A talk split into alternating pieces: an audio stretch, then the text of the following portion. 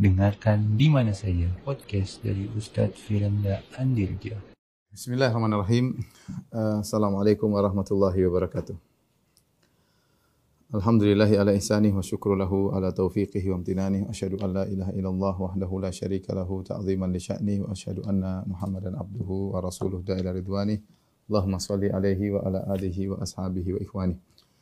Pada uh, para guru, para pengurus sekolah Al-Wildan dan juga para wali murid. Demikian juga para pemirsa yang dirahmati oleh Allah Subhanahu wa taala. Eh, kita melanjutkan bahasan kita tentang eh, bekal persiapan Ramadan dan kita masuk pada part yang ketiga ya.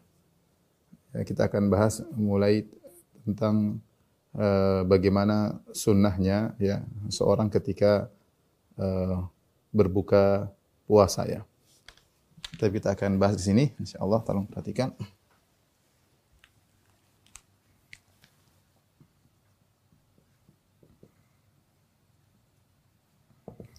Ada beberapa hal yang diperhatikan ketika masalah berbuka puasa. Uh, yang pertama adalah uh, dianjurkan untuk segera berbuka, tidak menunda. Ya. Dan ini uh, apa namanya uh, di antara keistimewaannya adalah menyelisihi uh, ahlul kitab dan juga rafidah ya rafidah karena mereka menunda berbuka puasa ya dan Nabi SAW mengatakan la yazalu an-nas bi khair ma ajjalu al-fitr wa akharu sahur senantiasa manusia dalam uh, kebaikan jika menyegerakan berbuka dan menunda uh, sahur. Sahur diakhirkan dan uh, berbuka disegerakan. Dan ini sunnah yang dikerjakan oleh masyarakat. Alhamdulillah kita punya masyarakat sering mengatakan takjil, takjil. Takjil dari bahasa Arab, takjil pakai ain. Takjilnya untuk menyegerakan berbuka ya. Dan itu sunnah yang alhamdulillah tersebar di uh, masyarakat kita. Ini menyelisih kebiasaan orang-orang ahlul kitab yang mereka menunda berbuka, apalagi orang Syiah yang juga berbuka setelah sangat gelap baru mereka mau berbuka. Dalam sebagian riwayat Nabi SAW mengatakan la yazalu hadha din zahiran. Senantiasa agama ini akan nampak ya jika akan unggul jika uh, orang-orang segera me menyegerakan berbuka. Jadi seorang berusaha menjalankan sunnah Nabi Shallallahu Alaihi eh, Wasallam. Dalam satu hadis Rasulullah SAW suatu saat sedang bersama uh, para sahabat, kemudian gorobati syams matahari terbenam. Maka Nabi SAW mengatakan, Ya Bilal inzil fajidah lana. Wahai Bilal, segera siapkan uh, hidangan berbuka. Maka ternyata waktu itu masih ada kelihatan merah-merah. Maksudnya masih ada kelihatan agak terang ya. Tapi materi sudah terbenam. Mungkin di padang pasir, meskipun materi sudah terbenam, tapi masih kelihatan agak terang. Maka sebagian sahabat berkata, Ya Rasulullah, inna alaika naharon. Ya Rasulullah masih siang. Masih masih kelihatan terang. Kata Rasulullah SAW, inzil fajidah lana. Buka puasa. Sebagian sahabat mengatakan, lau amsaita ya Rasulullah kalau tunda sebentar ya. Kata Rasulullah, injil fajr. Ayo bikin buka puasa. Sampai saking cepatnya Rasulullah SAW berbuka, sampai ada seorang sahabat mengatakan seandainya ada seorang naik di atas ontanya, dia akan melihat matahari masih uh, kelihatan. Dia akan melihat. Artinya begitu cepat Rasulullah SAW berbuka dan tidak menunggu eh, lama-lama uh, lagi uh, untuk segera berbuka. Maka uh, jika sudah tiba waktu berbuka, segera uh, berbuka. Kapan berbuka? Waktu eh, berbuka. Sepakat bahwasanya waktu berbuka adalah ketika terbenam matahari. Ketika bulatan matahari sudah tenggelam seluruhnya.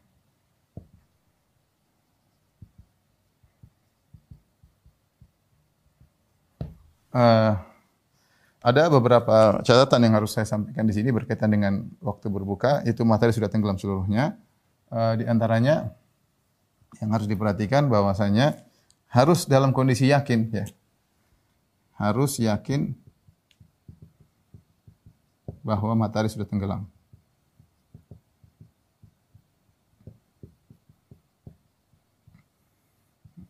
Atau golabatul zon, yaitu persangkaan kuat.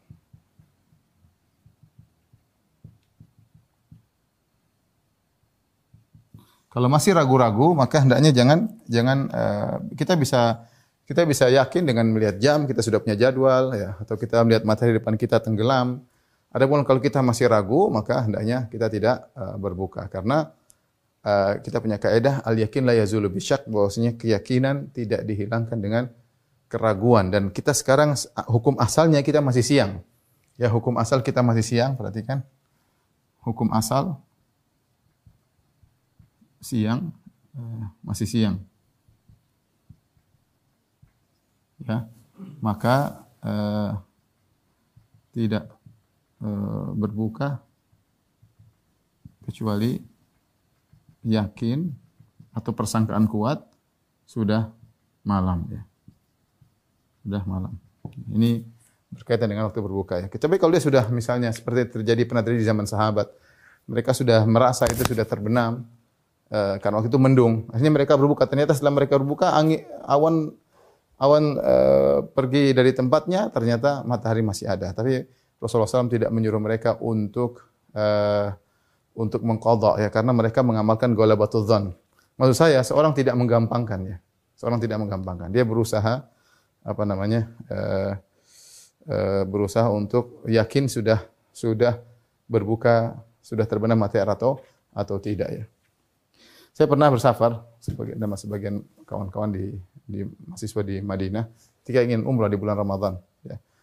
Di bulan Ramadan, kemudian uh, kita tiba di di tengah apa namanya di suatu tempat. Waktu itu belum azan. Teman saya bilang sudah sudah gelap ini. Saya bilang belum belum azan ya. Ya matahari tidak kelihatan itu banyak gunung, matahari tidak kelihatan ya. Akhirnya dia makan di luar. Belum azan, tidak karena saya jadwal belum, saya jadwal belum. Setelah itu baru kemudian matahari eh, kemudian azan dikumandangkan. Ya, tapi dia mungkin meyakini apa yang dia lakukan. Setelah itu kami sampai di Mekah umrah nah, hari berikutnya eh, kita nunggu buka berpuasa di lantai tiga kalau nggak salah di eh, di, di Masjidil Haram. Waktu itu matahari sudah nggak kelihatan karena tutup dengan hotel. Saya bilang, eh kamu nggak buka, matahari sudah nggak kelihatan. Kata dia bilang belum azan di masjid. Eh matahari sudah nggak kelihatan. Masalah matahari nggak kelihatan terkadang bukan di ufuk, tapi terkadang tertutup oleh gunung, tertutup oleh uh, hotel, tertutup oleh pohon. Jadi maksud saya seorang tidak menggampangkan untuk segera uh, berbuka. Karena dulu ada fenomena, mudah-mudahan sekarang sudah nggak. Dulu ada fenomena semangat untuk menyelisih masyarakat. Masyarakat misalnya berbuka jam 6.30, dia pingin semangat 5 menit sebelumnya. ya Sehingga berusaha naik lantai 3, matahari nggak kelihatan, buka di luar. Kita bilang enggak, kita punya kaidah al as al, apa namanya baqa'u al asl baqa'u makana ala makan. Asalnya kita masih pada siang dan kita tidak berpindah pada hukum selanjutnya kecuali ada keyakinan kita sudah malam. Ini yang pertama. Kemudian uh, uh, perkara yang kedua. Jadi apa namanya? Uh, waktu berbuka disesuaikan dengan lokasi orang yang berpuasa. disesuaikan dengan lokasi orang yang berpuasa ya. ya. Sebagai catatan misalnya, jika dia di pesawat atau di atas, maka jadwal berbuka berbuka lebih lambat. Lebih lambat. Ya, lebih lambat ya karena bumi itu bulat sehingga kalau semakin seorang di atas matahari yang sudah tenggelam bisa semakin kelihatan. Gampangnya sederhana demikian. Ya, misalnya ini bumi matahari sudah tenggelam, kalau orang di atasnya semakin kelihatan mataharinya. Dan ini kenyataan bahwasanya semakin di atas matahari masih semakin kelihatan ya. Makanya dikatakan kalau seorang sedang ada berada di Burj Khalifa, Burj Khalifa yang ada di di Dubai ya, maka yang di atas belum berbuka, yang di bawah sudah berbuka. Kenapa yang di bawah melihat matahari sudah tenggelam, tapi yang di atas dia masih melihat matahari. Dan ini sering saya sampaikan, saya pernah mengalami pengalaman pribadi ketika naik pesawat, uh, kemudian mau turun mendarat di Jakarta, maka uh, pilot menyampaikan bahwasanya sekarang sudah waktu berbuka untuk Jakarta dan sekitarnya, untuk Jakarta dan sekitarnya. Ketika orang-orang sudah berbuka, saya buka jendela, matahari masih kelihatan. Rupanya pilot berbicara tentang waktu berbuka di darat, bukan di atas. Maka eh, waktu berbuka disesuaikan dengan lokasi orang yang berpuasa. Bisa jadi di atas dia nunggu sebentar. Dia nunggu uh, sebentar. Sebaliknya, sebaliknya, jika di darat dia sudah berbuka, sudah terbenam matahari, lantas pesawat terbang, matahari kelihatan lagi,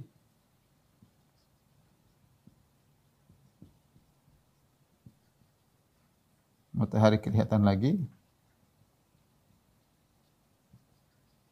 maka tidak perlu dia puasa lagi. Maka tidak perlu puasa lagi. Kenapa? Karena ketika dia berbuka, posisi dia memang sudah berbuka. Ketika dia berbuka, matahari sudah tenggelam di posisi saat dia berbuka. Meskipun kemudian masa, mata, pesawat terbang, sampai di atas ternyata kelihatan matahari, tidak perlu dia puasa lagi. Dan tidak perlu dia mengkodok, karena dia sudah buka, sudah buka sesuai dengan aturan. Dia sudah buka sesuai dengan aturan. Ya. Demikian juga yang perlu diperhatikan, ketika seseorang bersafar dari timur ke barat ya ke barat? Atau dari barat ke timur? Barat ke timur. Kalau dari timur ke barat waktu berbuka semakin lambat. Ya. Waktu buka semakin lambat.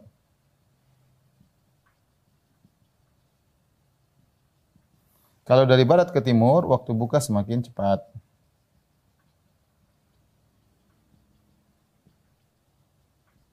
Yang penting yang sering kita lihat misalnya kita eh, berangkat dari timur ke barat contohnya dari Indonesia ke Saudi. Indonesia sebelah timur kemudian berangkat ke arah uh, Saudi. Uh, kenyataannya perbedaan waktu antara Indonesia dengan Saudi adalah 4 jam. Saya pernah bersafar waktu itu Indonesia kira-kira buka puasa jam 6. Sementara di Saudi buka puasa kira-kira jam 7 karena musim panas. Jam 7 waktu Saudi. Sementara perbedaan waktu 4 jam. Sehingga saya harus nambah 4 jam plus 1 karena berbukanya jam 7. Jadi saya harus nambah 5 jam. Harus nambah 5 jam. Karena sebagian orang ketika di pesawat mereka berbuka ikut waktu Indonesia.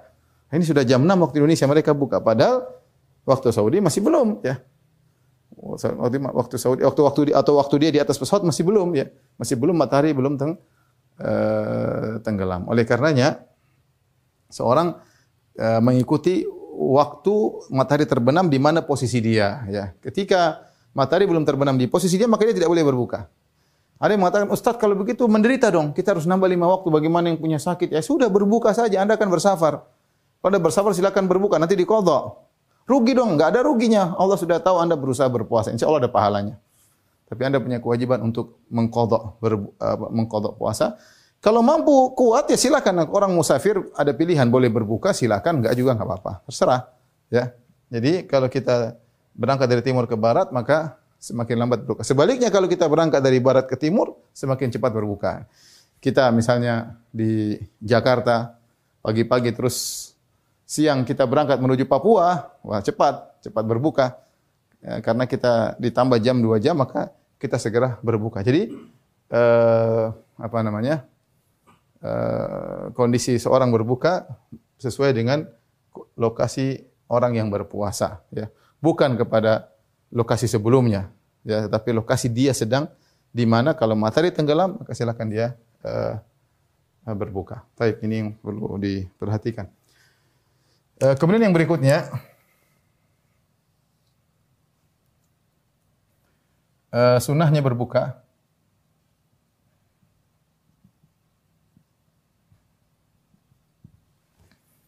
Di antaranya adalah berdoa. Ya. Eh, berdoa sebelum berbuka. Eh, berdoa sebelum berbuka ada dua doa yang masyhur di masyarakat ya, dua doa. Yang pertama eh zahaba ya. Wabtalatil uruq wa thabatal ajr insyaallah. Kemudian juga Allahumma laka sumtu wa bika aftartu ya. wa bika aftartu. Ini dua hadis diperselisihkan oleh para ulama tentang kesohihannya ya.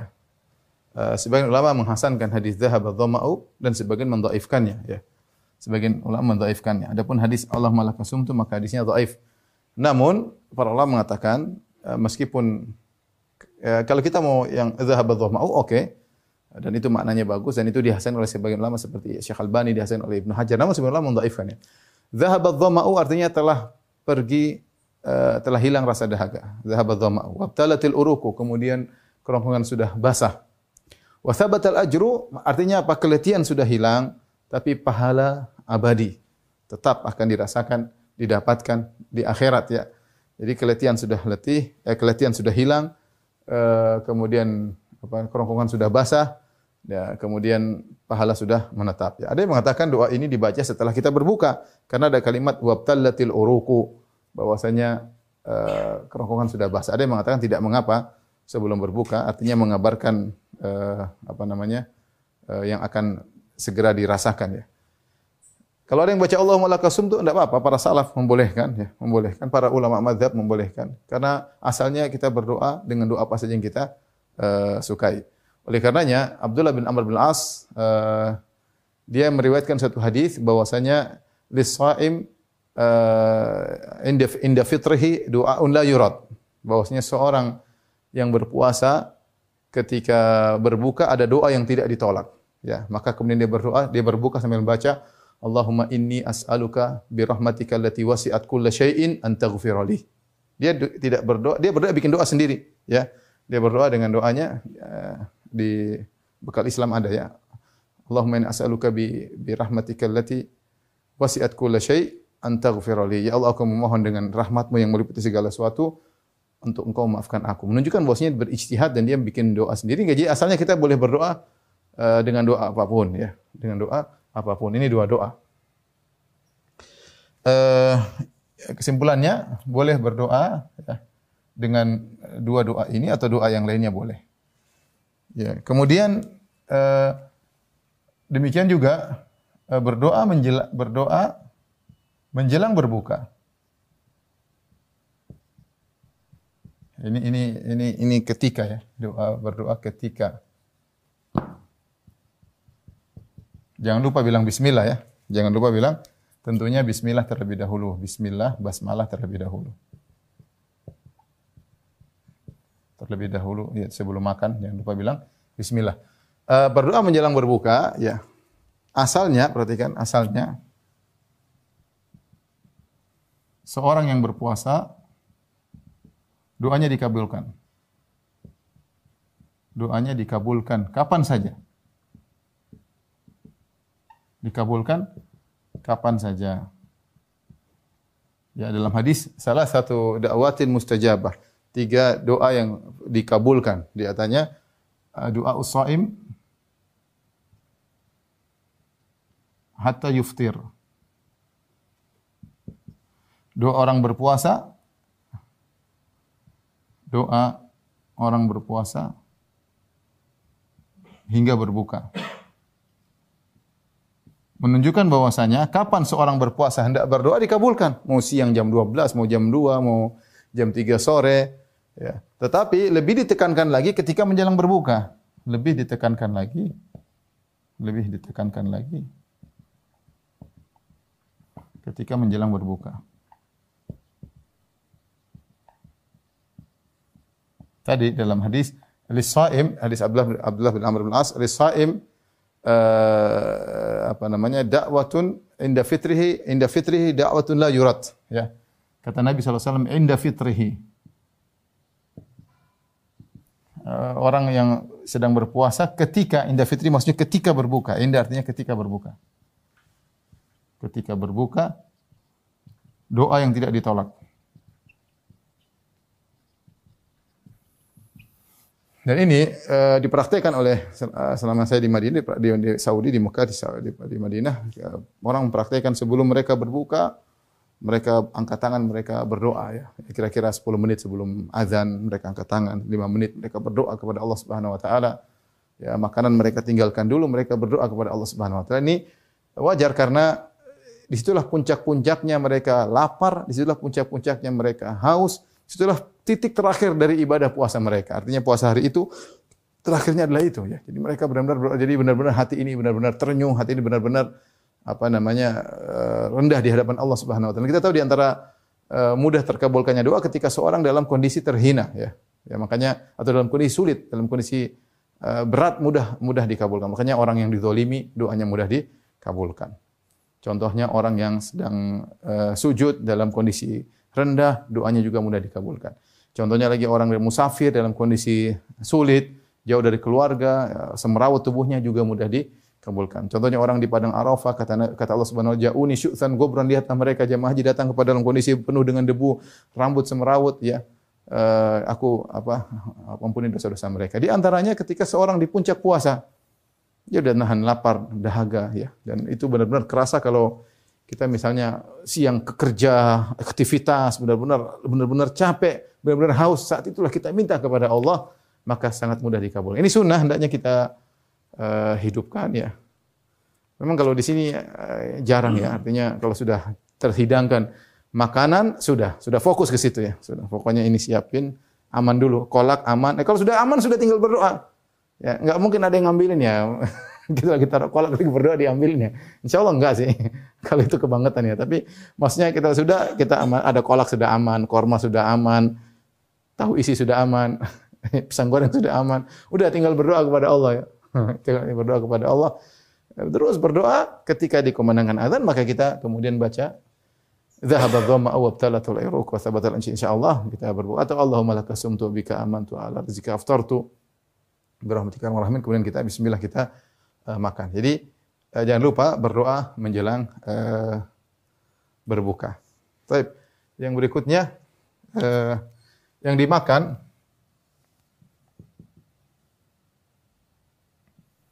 uh, sunnahnya adalah uh, rutop Kalau tidak ada maka korma. Korma biasa kalau tidak ada air, air. Ya Rasulullah SAW buka dengan rutobat dengan apa namanya beberapa butil rutop korma yang basah ya. Fa illam takun rutobat fatamarat. Kalau tidak ada rutop maka Rasulullah SAW dengan korma yang sudah agak kering. Kalau rutop itu yang ya di sini mungkin jarang yang masih coklat ya. ya mungkin sekarang banyak rutop sukari alhamdulillah. Dulu sulit banget zaman-zaman 10 tahun lalu mau dapat korma-korma yang biasa saja nggak gampang, apalagi yang rutop. Sekarang dengan mudahnya apa namanya sarana berbagai macam sarana maka dapatkan rutop banyak rutop-rutop yang kita rasakan di Madinah sekarang dijual di Jakarta dijual di Masya Allah ya dengan mudahnya sudah sehingga dulu kalau orang bisa buka dengan rutop istimewa sekarang alhamdulillah keistimewaan ini tersebar ke mana-mana ya kalau nggak ada rutop maka korma kalau nggak ada korma hasah hasawat min ma maka Rasulullah SAW minum minum air jadi Eh, kita eh, rutop terlebih dahulu. Rutop eh, kita makan, setelah itu korma, kemudian kemudian air ya. apakah rutop di sini disunahkan? Ini pertanyaan. Ya. Apakah disunahkan ganjil?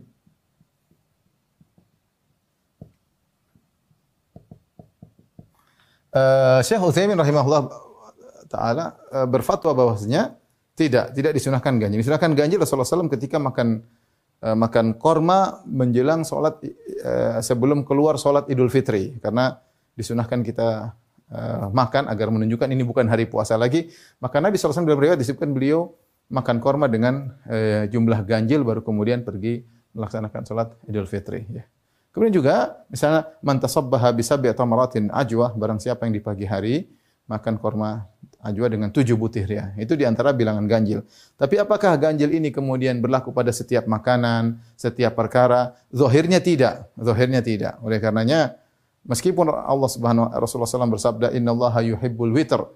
Inna Allah witrun yuhibbul, yuhibbul witr. Sungguhnya Allah maha eh, ganjil, maksudnya Allah maha esa. Dan Allah suka dengan bilangan ganjil. Bukan berarti kita disunahkan untuk ganjil dalam segala hal. Ya, artinya ada syarat-syarat Allah yang Allah ciptakan atau Allah buat dengan ganjil. Misalnya jumlah langit tujuh ganjil, tawaf uh, tujuh, kemudian ganjil, sholat witir, sholat maghrib ganjil. Tapi tidak semuanya uh, disunahkan untuk ganjil. Sama seperti kalau melangkahkan kaki ke masjid, bukan berarti harus langkah kaki kita uh, ganjil tidak ya. Jadi uh, Allah alam kata Syekh Utsaimin rahimahullah taala maka jumlah korma yang kita makan tidak harus ganjil. Yang penting rutop. Kalau nggak ada nggak ada rutop korma, kalau nggak ada korma air putih. Ustaz kalau rutop nggak ada korma nggak ada air putih nggak ada. Pak Subhanallah mengatakan ganti yang manis-manis karena untuk glukosa segera bisa uh, dicerna oleh tubuh sehingga bisa mengembalikan kesegaran. Terus Ustaz kalau tidak ada kecuali gorengan ya udah makan gorengan tidak apa-apa ya. Gorengan uh, istimewa ya. Sampai ada yang uh, bercanda kalau kalau rutop sunnah tapi kalau gorengan seakan-akan wajib bagi dia. Kalau nggak ada gorengan kayaknya rasanya belum belum berbuka. Seorang berusaha menjalankan sunnah Nabi Shallallahu Alaihi Wasallam sehingga uh, dia berbuka dengan baik. Saya ingatkan tinggalkan kebiasaan seorang sebelum berbuka kemudian melakukan hal menghabis-habiskan waktu. Entah pergi ke lapangan, lihat orang main layangan, lihat orang balap-balapan motor. Tidak perlu sebenarnya kita semua waktu puasa dari awal sampai akhir waktu berharga. Ya, kalau kita ingin apa namanya ingin berbuka justru kita baca Quran, memanfaatkan waktu, berdoa kepada Allah, mumpung mau berbuka ya, mau berbuka bukan bukan malah kemudian kita apa namanya menghabiskan waktu di waktu-waktu yang sangat uh, berharga, waktu spesial, waktu emas, justru kita ngabisin waktu nonton macam-macam. Nonton ini sambil nunggu buka, enggak ya. Kita justru baca Quran sambil nunggu buka ya. Berdoa sambil nunggu buka, murajaah sambil nunggu buka atau silaturahmi kepada orang tua sambil nunggu buka. Yang, yang kita lakukan ibadah yang bisa kita yang bisa uh, kita lakukan. Ini uh, yang berkaitan dengan sunnahnya berbuka mudah-mudahan Eh, bisa dipahami. Allah alam bisawab, tolong dihapus.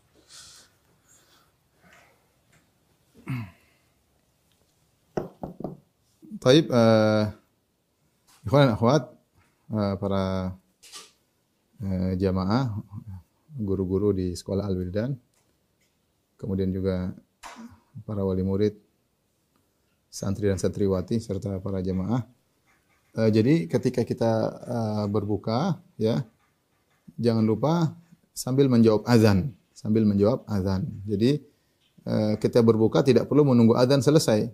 Begitu imam eh, begitu muadzin mengatakan Allahu akbar Allahu akbar sudah berbuka.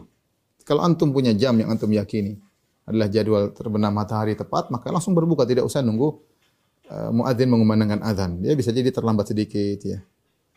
Yang penting antum yakini, tidak berbuka kecuali dengan yakin. Kalau sudah punya jadwal jam tepat, sudah berbuka aja nggak ada masalah ya. Uh, dan tidak perlu menunggu azan selesai. Apalagi sebagian muadzin azannya panjang, masya Allah. Uh, begitu dia bilang Allah Akbar, Allah kita berbuka sambil kita baca doa dan kita ikuti uh, bacaan uh, azannya ya. Allah Akbar, Allah Akbar sambil menjawab menjawab azan. Taib. Ikhwan akhwati rahmatillah subhanahu wa ta'ala. Tadi sudah kita bahas tentang masalah uh, berbuka. Sekarang kita akan bahas tentang uh, masalah Eh, sholat tarawih. Sholat tarawih. Ya.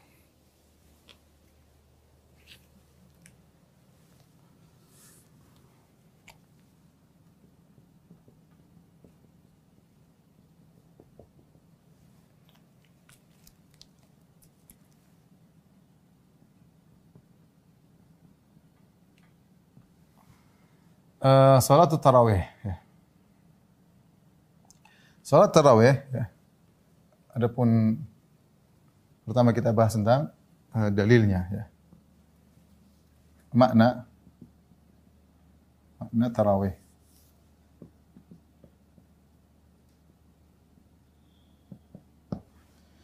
Uh, at-tarawih diambil dari tarawih jamak dari ya ini pluralnya singularnya mufradnya dari tarwihah atau tarwih. Tarwihah. Tarwih artinya istirahat. Jadi istilah tarawih ini sendiri tidak ada dalam hadis, tidak ada dalam dalil. Istilah tarawih ini enggak ada dalam Al-Quran dan Sunnah, enggak ada. Tapi itu istilah yang muncul belakangan. Istilah yang muncul belakangan. Kenapa? Eh, karena dahulu, ya dahulu para salaf setiap uh, sholat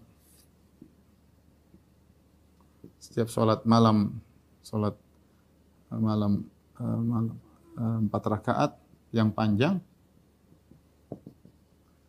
yang panjang maka maka mereka istirahat. Mereka istirahat ya karena saking panjangnya. Jadi dua, dua rakaat, dua rakaat, empat rakaat mereka istirahat. Makanya disebutkan misalnya dari si, uh, saya sebutkan banyak riwayat dalam buku bekal salat tentang masalah ini. Disebutkan si fulan dari tabi'in mengimami jamaah khamsa tarwihah atau khamsa tarawih. Salat lima kali istirahat. Kali lima kali istirahat berarti lima kali empat berarti dua puluh rakaat. Dua puluh rakaat karena setiap empat rakaat mereka istirahat. Setiap empat rakaat mereka istirahat ya. Sehingga kumpulan istirahat-istirahat tersebut namanya tarawih. Jadi tarawih adalah kumpulan istirahat-istirahat tersebut. Ya. Ini asal muasal nama ya. Tarawih artinya kumpulan istirahat-istirahat tersebut. Ya. Uh, kalau sebagian kita dari awal terrrr, langsung istirahat terakhir ya. Satu rakaat setengah 11 istirahat terakhir atau 20 dulu dengan cepat terakhir baru istirahat. Mereka dahulu mereka sholat dengan tenang. Sebagaimana Nabi SAW kata Aisyah radhiyallahu anha sholat arba'an Rasulullah sholat empat rakaat. La tas'al husnihinna wa tulihinna. Yang kotanya tentang panjangnya dan indahnya sholat Nabi. Thumma yusalli arba'an. Kemudian Rasulullah SAW sholat lagi empat rakaat. Berarti antara empat rakaat pertama empat kedua ada istirahat. Maka Aisyah uh, menceritakan tentang panjang dan uh, indahnya sholat Nabi Shallallahu Alaihi uh, Wasallam. Uh, macam-macam sholat malam ya.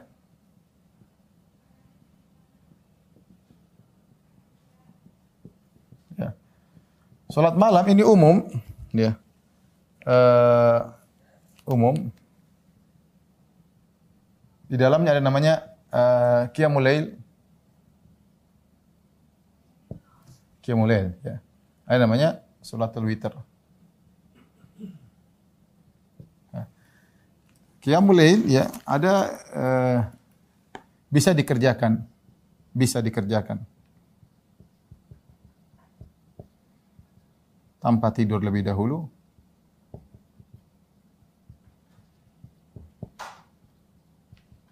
Dan dianjurkan ya, dan, dan atau dikerjakan setelah tidur, setelah bangun dari tidur. Yang sholat malam yang dikerjakan setelah bangun namanya sholat tahajud. Tahajud. Ya. Wa bihi. Jadi Eh, kemudian eh, jika dikerjakan berjamaah di bulan Ramadan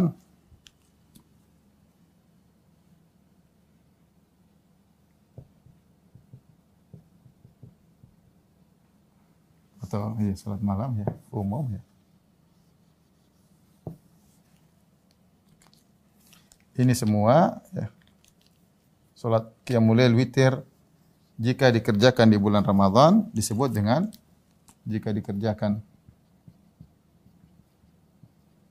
berjamaah di bulan Ramadan maka disebut sholat taraweh.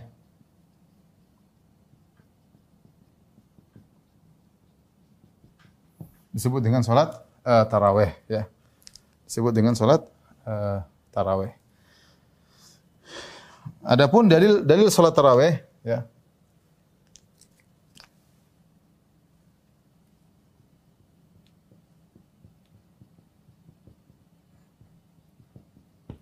Jadi saya ulangi, salat malam tuh macam ada lail, salat witir ya. Qiyamul lail dua-dua-dua salat witir dengan berbagai macam modelnya. Bisa satu rakaat, bisa tiga rakaat, bisa lima rakaat, bisa tujuh rakaat, bisa sebelas rakaat, bisa tiga belas rakaat.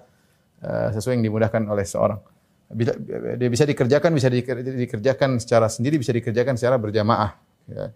di luar bulan Ramadan boleh berjamaah boleh berjamaah sesekali bukan kebiasaan.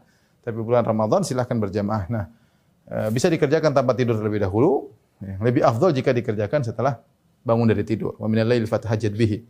Talak bangun dari tidur disebut dengan salat uh, tahajud ya. Jadi tidak jadi intinya tidak disyaratkan yang perhatikan sini tidak disyaratkan sholat malam harus tidur dulu. Perhatikan. Tidak disyaratkan. Sholat malam harus tidur dulu. Karena banyak orang yang tanya, Ustaz kalau nggak tidur bagaimana? Tidak disyaratkan harus tidur, tidur dulu. Nah, yang kita ingin sampaikan adalah masalah jika dikerjakan berjamaah di bulan Ramadan, maka disebut dengan sholat tarawih. Ya, sholat tarawih. Adapun dari salat tarawih artinya Nabi SAW pernah melakukannya selama tiga malam. Ya. Nabi SAW pernah tarawih bersama sahabat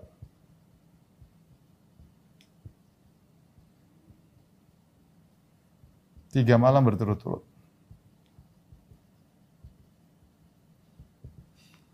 Lalu pada malam keempat,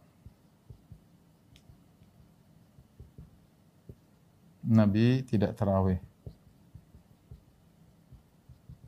Karena khawatir diwajibkan.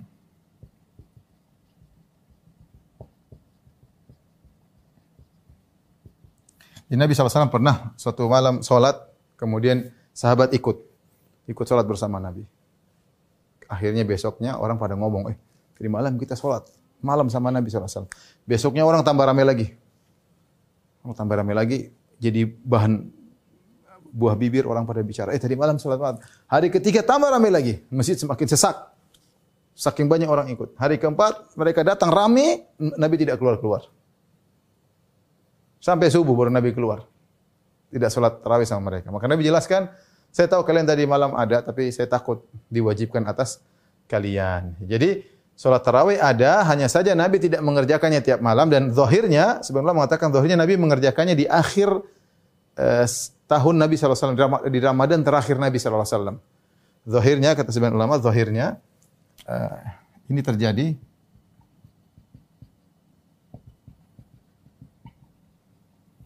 terjadi di Ramadan terakhir Nabi SAW.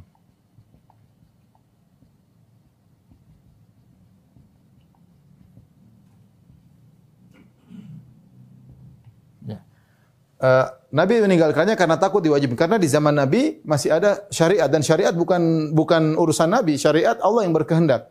Mewajibkan, mau sunahkan, Rasulullah hanya menjalankan. Rasulullah SAW hanya menjalankan. Maka Rasulullah khawatir kalau dia karena sayang kepada umatnya, khawatir nanti Allah wajibkan. Dia nggak tahu apa yang Allah kehendaki. Maka dia khawatir diwajibkan, maka dia tidak sholat berjamaah terus uh, tarawih terus menerus, khawatir diwajibkan. Maka setelah Rasulullah SAW meninggal, di zaman Abu Bakar tidak terjadi tarawih di zaman Abu Bakar. Kenapa Abu Bakar radhiyallahu anhu hanya menjadi khalifah sekitar dua tahun dan terjadi banyak kasus ketika itu banyak orang murtad. Ada orang tidak bayar zakat, ada nabi-nabi palsu muncul di zaman Abu Bakar radhiyallahu anhu. Musailim al-Kadzdzab peperangan sampai uh, beliau mengirim berapa pasukan sebagaimana kita jelaskan dalam kisah Abu Bakar radhiyallahu anhu ya. Perang sana, perang sini sampai akhirnya Abu Bakar meninggal dia tidak sempat sholat tarawih. Kemudian di zaman Umar, di awal juga Umar belum menjalankan tarawih, ya. Umar orang sholat sendiri-sendiri. Ya. Ke suatu malam Umar pergi ke Masjid Nabawi. Umar melihat nas yusalluna auzaan. Orang sholat ada yang sendiri, ada yang berdua, ada yang bertiga, ada yang rohtun bertujuh, mungkin bersembilan, berberapa ya, ya lima mungkin. Masing-masing sholat. Satu masjid masing-masing sholat dengan sholat sendiri-sendiri. Maka Umar punya ide bagaimana kalau dikumpulkan. Dikumpulkan sebagaimana di zaman Nabi Shallallahu Alaihi Wasallam. Di situlah Umar mengatakan, nikmatil bid'atu hadhihi. Sebaik-baik bid'ah adalah ini. Dari sisi maksudnya ini baru diadakan lagi. Ya diadakan lagi meskipun dalilnya sudah ada. Karena sempat terputus di zaman Abu Bakar dan di awal pemerintahan Umar juga tidak dikerjakan. Baru nanti Umar kemudian mengumpulkan manusia di bawah uh, solatnya uh, imamnya Ubay bin Ka'ab uh, radhiyallahu taala anhu ya. Ini dari salat tarawih. Taib. Jumlah rakaat uh, uh, yang benar, yang benar, sholat malam tidak ada batasan jumlah rakaat. Terserah, bebas saja. Namun yang perhatikan, meskipun yang terbaik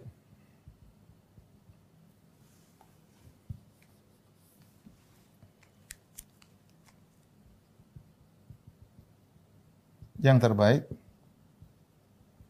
adalah 11 atau 13 eh, atau 13 jika dikerjakan panjang. Kerjakan dengan panjang. Ya. Sebagaimana sunnah Nabi SAW. Sebagaimana Nabi SAW melakukannya. Baik. Eh, kemudian uh, boleh lebih daripada 11. Boleh kurang dan boleh lebih dan boleh kurang dan boleh kurang dan boleh lebih dari 11 rakaat.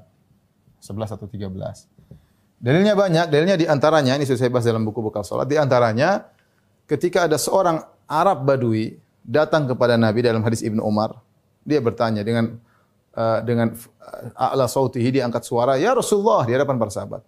"Kaifa salatul lail?" Ya Rasulullah, bagaimana salat malam?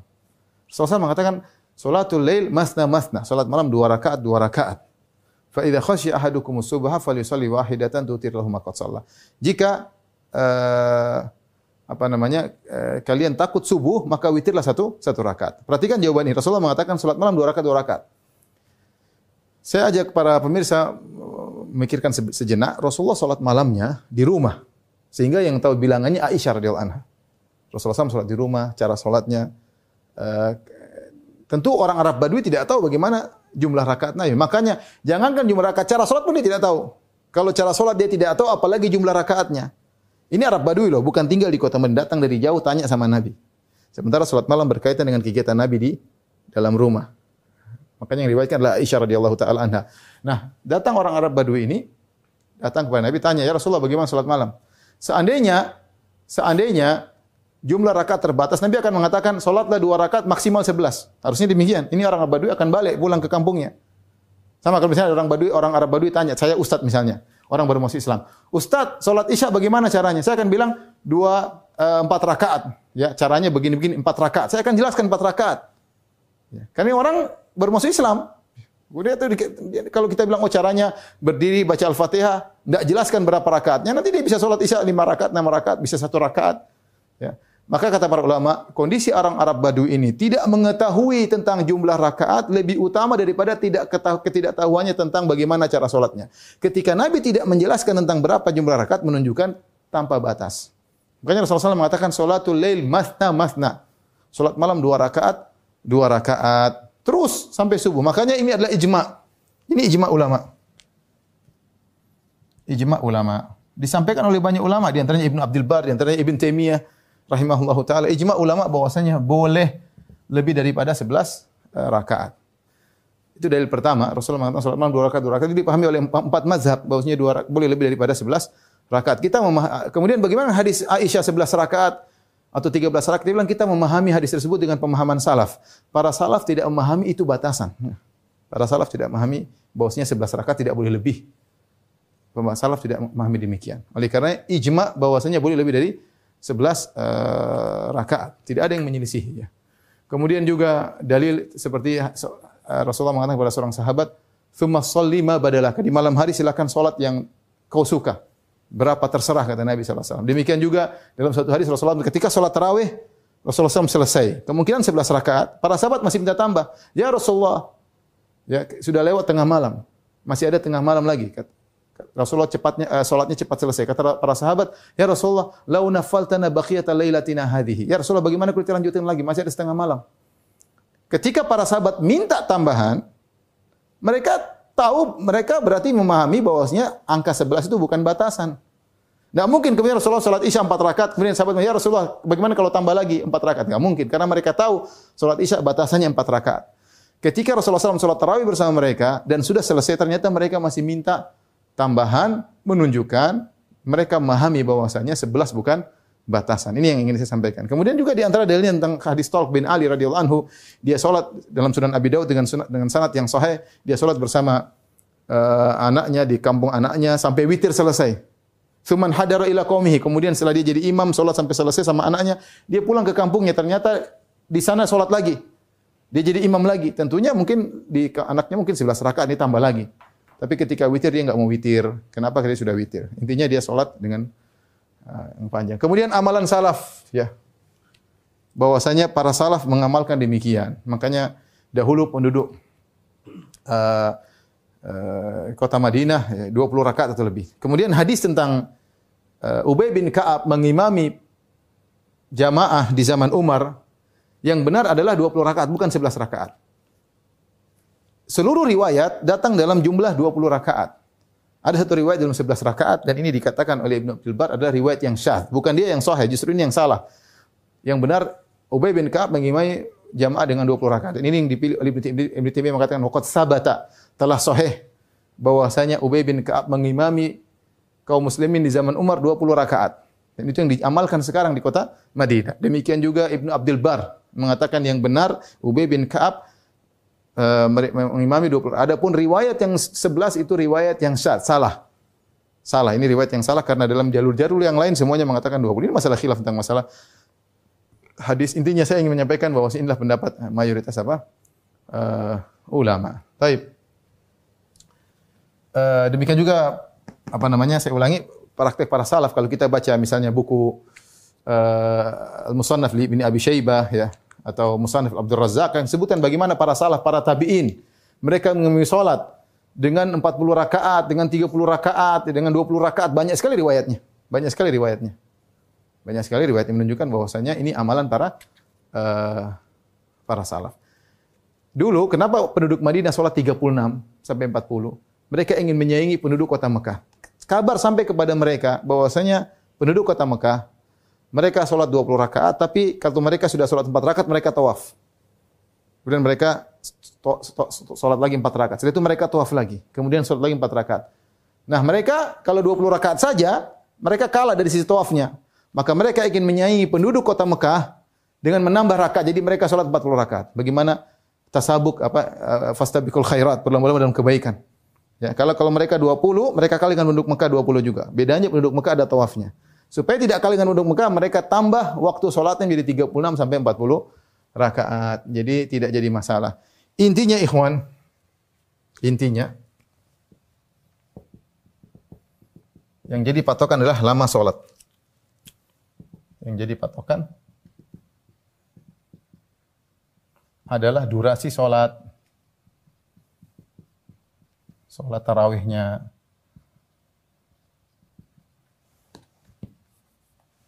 Durasi sholat malamnya. Ini yang jadi patokannya.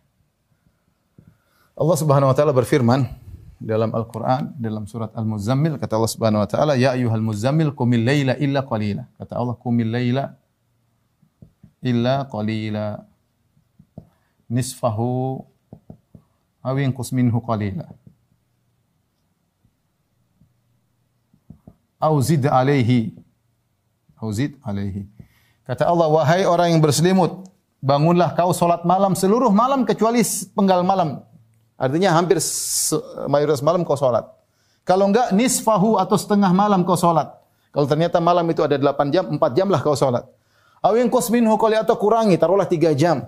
Auzid ali atau kau tambah jadi 5 jam. Jadi yang jadi patokan ketika Allah menyuruh Nabi untuk sholat malam adalah Allah bicara tentang waktu. Allah tidak berbicara tentang jumlah rakaat. Demikian juga ketika Nabi berkata dalam satu hadis kata Nabi SAW, wa ahabbu salati ilallah salatu Daud. Daud kana yanamu nisfahu nisfal lail wa yaqumu thuluthahu wa yanamu sudusahu. Perhatikan kata Nabi SAW, solat yang paling dicintai oleh Allah solatnya Daud alaihissalam. Nabi Daud tidur setengah malam, tidur setengah malam, lalu sholat sepertiganya, sepertiga malam, lalu tidur lagi seperna malam. Seperna malam. Perhatikan, di sini yang jadi patokan adalah waktu bukan jumlah rakaat. Dari sini para ulama khilaf, berkhilaf di antara ulama mazhab, mana yang lebih afdal? Maka dari sinilah yang jadi patokan adalah durasinya. Maka setelah itu khilaf.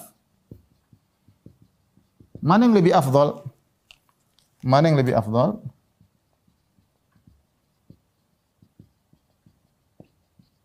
Memperbanyak rakaat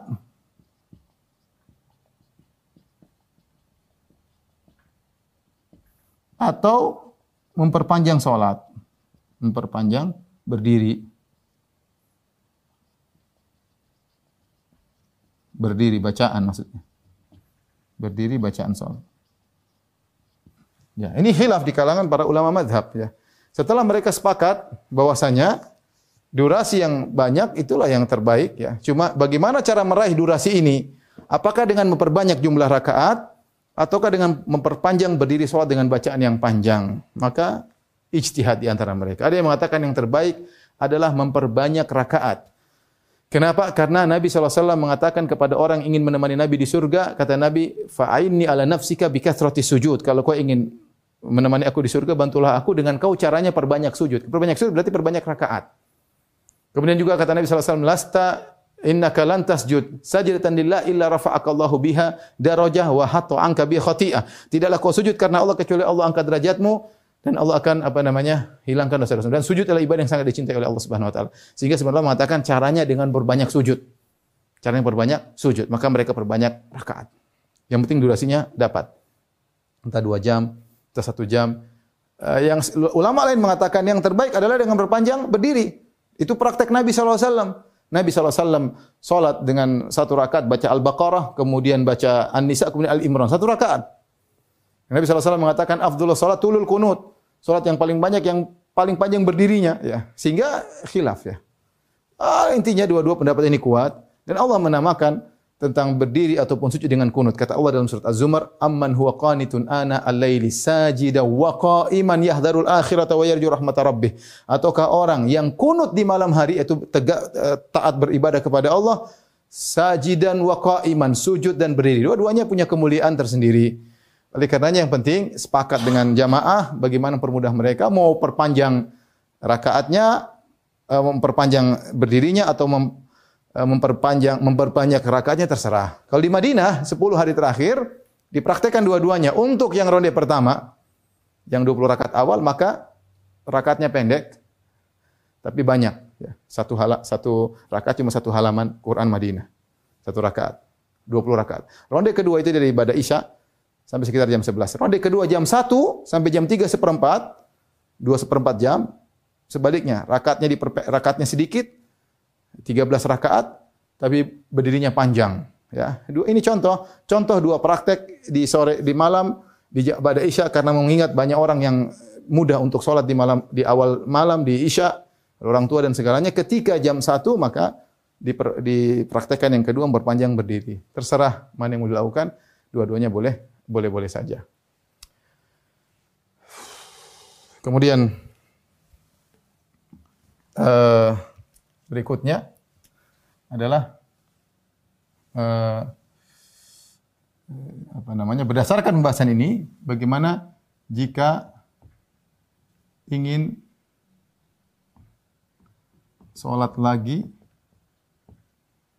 eh, setelah witir boleh atau tidak Ya, jawabannya boleh. Dalam hadis Rasulullah SAW pernah sholat setelah sholat sembilan rakaat Rasulullah SAW sholat dua rakaat. Ini dalil bahwasanya Rasulullah SAW pernah sholat genap setelah ganjil. Meskipun ini bukan kebiasaan Nabi. Kebiasaan Nabi adalah mengakhirkan witir. Kata Rasulullah SAW, Ija'alu akhir salatikum bilaili witra. Jadikanlah witirlah adalah sholat yang terakhir kalian. Nah, yang jadi permasalahan kalau kita sholat di masjid, imamnya di kampung-kampung misalnya 11 rakaat, 20 rakaat, dan cepat, dan kita masih ingin nambah lagi sholat di rumah. Apa yang kita lakukan? Yang kita lakukan yang Allah alam bisawab yang disebut oleh para ulama di Tirmidzi dan yang lainnya mungkin dua yang terbaik. Pertama cara yang saya eh, rekomendasikan artinya ini dilakukan oleh sebagian salaf. Kalau kita sholat bersama imam di masjid sampai dia witir, kita ikut witir sama dia. Karena Rasulullah SAW bersabda, "Man sholat mal imami hatta yang sholif kutiba lahu qiyamul lailah." Barang siapa yang sholat sama imam sampai selesai, dicatat baginya Salat semalam suntuk. Maka ketika dia witir kita ikut witir. Setelah witir selesai, maka kalau kita ingin sholat malam tinggal sholat saja tapi nggak usah witir lagi. Dua rakaat, dua rakaat, dua rakaat terserah berapa nggak usah witir lagi. Dan ini yang tadi dipraktikkan oleh Talq bin Ali. Hadis Sunan Abi Daud yang kita sebutkan. Dia sholat sama kampungnya, kampung anaknya. Jadi imam sampai witir selesai. Kemudian dia pulang ke kampungnya sendiri. Ternyata makmumnya lagi nunggu. Dia sholat lagi tapi tanpa witir. Dan Rasulullah SAW tadi sudah sebutkan. Rasulullah pernah sholat witir kemudian genap. Kemudian witir kemudian genap. Maka ini tidak jadi masalah dan ada dalilnya dari Nabi SAW dan juga dari pengamalan pengamalan sebagian salaf. Kemudian sebagian ulama salaf juga berpendapat ini cara yang kedua. Cara yang kedua bahwasanya uh, ketika kita sholat bersama imam, kemudian imam witir, kita tidak niat witir, kita masih niat sholat malam. Kita berbeda niat. Dia niatnya witir, kita masih niat sholat qiyamul lail. Ketika dia witir rakaat ganjil, dia salam, kita bangun lagi. Kita bangun lagi, kita tambah satu rakaat sehingga genap. Sehingga kita genap. Kita tidak niat witir, kita niat sholat genap di belakang dia. Nah, setelah itu kita mau tambah terserah, kita akhirkan witir. Ini dua pendapat yang oke, okay, yang menurut saya uh, masing-masing punya dalil, terserah mana yang mau kita uh, lakukan. Wallah alam bisa. Meskipun saya condong dengan cara pertama, yaitu witir-witir aja, nanti sholat tambah tambah witir. Mau berdoa, tinggal berdoa ya. Tinggal berdoa. Wallah alam bisawab ya. Oke, demikian saja Ustaz. Ya, demikian saja kepada rekan-rekan sekalian para guru, para pendidik ya, wali murid dan juga santri dan santriwati atas uh, ikut serta dalam kajian hari ini. Semoga Allah uh, memudahkan urusan kita, mudahkan kita berpuasa dengan baik.